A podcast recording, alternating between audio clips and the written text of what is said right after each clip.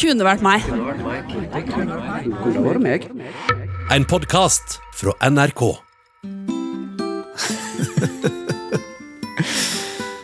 Jeg er jo litt kjent for å drite meg ut. Dette er Håvard, og jeg tror faktisk han har vært på verdens verste Tinder-date. Og som dere hører, så er han en lattermild type. Tok du taxi hit nå? Nei da, jeg kjørte bil sjøl. Jeg. Du gjorde det, ja. jeg vurderte taxi, for jeg hadde lyst til å ta meg en shot før jeg kom. Og hans historie er morsom. Altså, det er den. Den er morsom, men den er morsom på sånn måte som ja, At det gjør litt vondt å le, på en måte. Eh, Det starta jo med at jeg eh, gikk til anskaffelse av denne Tinder-appen. Da Og da hadde det liksom vært eh, to år siden mitt siste samlivsbrudd, og jeg var klar for å gå på markedet igjen.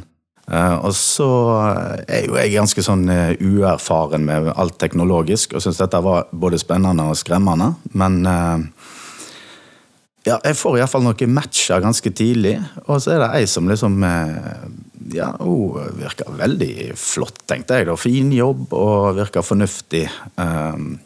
Og vi kom i god chattestim. Eh, Så god chattestim at vi til slutt, rett før jeg skal noe annet, så utveksler vi telefonnummer som liksom kan fortsette dialogen per SMS. Eh, Men det jeg skal gjøre da denne dagen, det er jo litt eh, uheldig, for det er dagen før bylarm. Og da har jeg hatt en tendens til å gå på ei god fyllekule, for å si det mildt sagt. Dagen før bylarm. Ja, og grunnen til det er at jeg har litt med musikkbransjen å gjøre.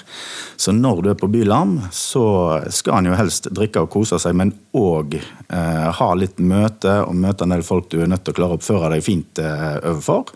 Eh, og da tenker jo jeg at hvis du går på ei skikkelig kule dagen før det begynner, eh, så blir du ikke så full de dagene som kommer.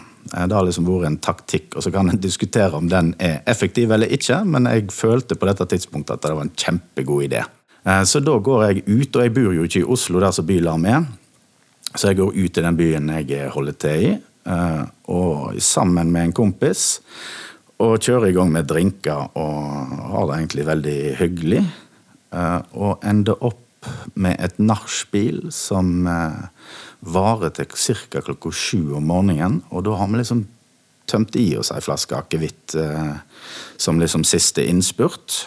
Dette var en tirsdag, så det var meg og en kompis som satt der og hørte god musikk og drakk, eh, og var håpløst fulle. Men sikkert sjarmerende nok for oss to å være. Men ikke da eksponert for resten av verden, som sikkert var sunt og godt. Eh, Men det som skjer, er jo at når en skal gå ifra dette nachspielet i sjutida om morgenen, så kom jeg på dette her når jeg åpner telefonen og skal ringe til en taxi. At å, herlighet, jeg har jo en melding fra hun her eh, Tinder-matchen min. Så da er jeg jo såpass full at jeg liksom ikke kommer på at jeg er full, og klokka er sju om morgenen. Så jeg ringer til hun dama her, eh, og så sier hun ganske kjapt at Du, kan ikke du bare komme opp her, da? Jeg, er- jeg ringer meg sjuk på jobb, jeg. Og så tenker jo jeg at å herregud, nå er det jo to år siden jeg har uh, vært med noen damer, så dette er jo kjempegreier. Eh, så da hopper jeg i en taxi og får adressa. eh, og kjører opp til det som viser seg å være en veldig fin villa. Eh, går opp trappa og banker på døra, og der kommer det ut ei flott dame i morgenkåpa.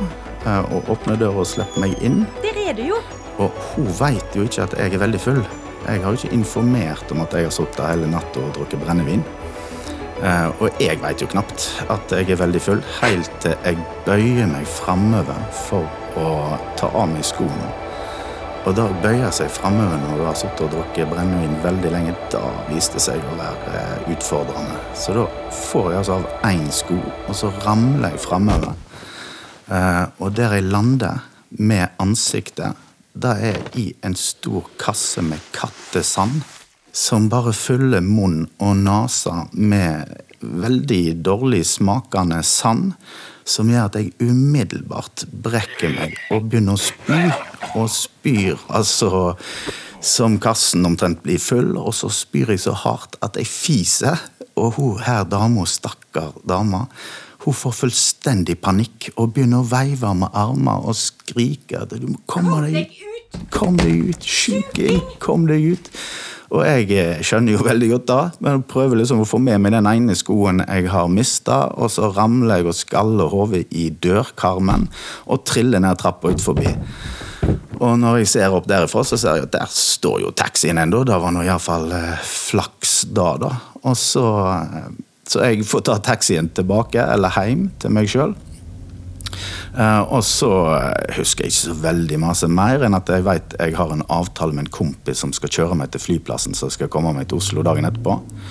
Uh, det husker jeg heller ikke så mye av. Men jeg setter meg på dette flyet, og så Det er som på slutten i innflygninga til Oslo, så kjenner jeg hva, hva var det som skjedde nå, da? Hva var, så kjenner jeg bare at jeg begynner å svette. og jeg begynner å stresse. Og så tenker jeg har jeg drømt dette her, eller har jeg, det, har jeg virkelig skjedd dette her? Og så blir jeg veldig ja, oppkava av det. Så når jeg kommer fram til hotellet mitt på, i Oslo, så er det opp med Tinder-appen, og der ser jeg jo hun har sletta meg. Hun er dame, da, sjølsagt. Men så har jeg jo telefonnummer, så jeg prøver først å ringe. Mobiltelefonen er slått tar ikke telefonen, og så sender jeg en melding, lang melding. Dette her er det mest beklagelige jeg har gjort i hele mitt liv, og nå skjemmes jeg som bare juling. Eh, det som var en veldig fin start mellom oss, da klarte jeg å sarve sønder og sammen med å være totalt ubrukelig idiot. Jeg legger meg på eh, paddeflat så godt som det lar seg gjøre. Og sender flere, jeg hører aldri noe igjen fra henne. Og Håvard han er så flau at han klarer ikke å fortelle historien til noen på en ganske god stund. Men så, så reiser jeg jo hjem igjen. Uh, og så går det ei uke eller to, og så har jeg liksom fått det litt på avstand. Så skal jeg ut med en kompis uh, på, på stambaren min. Og så sitter der og så forteller jeg han denne historien her. Uh, og han ler jo så han griner og syns dette her er helt fantastisk morsomt. Og så blir vi sittende litt utover kvelden og ta oss noen øl. Og så skjer det jo noe litt rart noen timer seinere. Og da sitter vi altså på Det er et nabobord så sitter en guttegjeng på. Og så hører jeg bare den ene si at du, folkens, jeg er bare nødt til å fortelle en historie. For jeg har en sånn venninne som har den der Tinder-appen. Og allerede der så kjenner jo jeg at å herregud, det kan ikke være så liten verden at nå, nå, får, vi, nå får vi høre historien om meg. Men så begynner han, og så forteller han da akkurat den samme historien som jeg nå har fortalt. Bortsett fra at han endra én detalj. Det var sikkert ikke han som endra, men hun som har endra. Og det var at jeg, jeg spydde ikke sånn at jeg feis. Jeg spydde sånn at jeg bæsja på meg. Og jeg sitter jo der og svetter og hører på dette her og er livredd for å høre om dukker navnet mitt opp òg nå. Da blir det stress.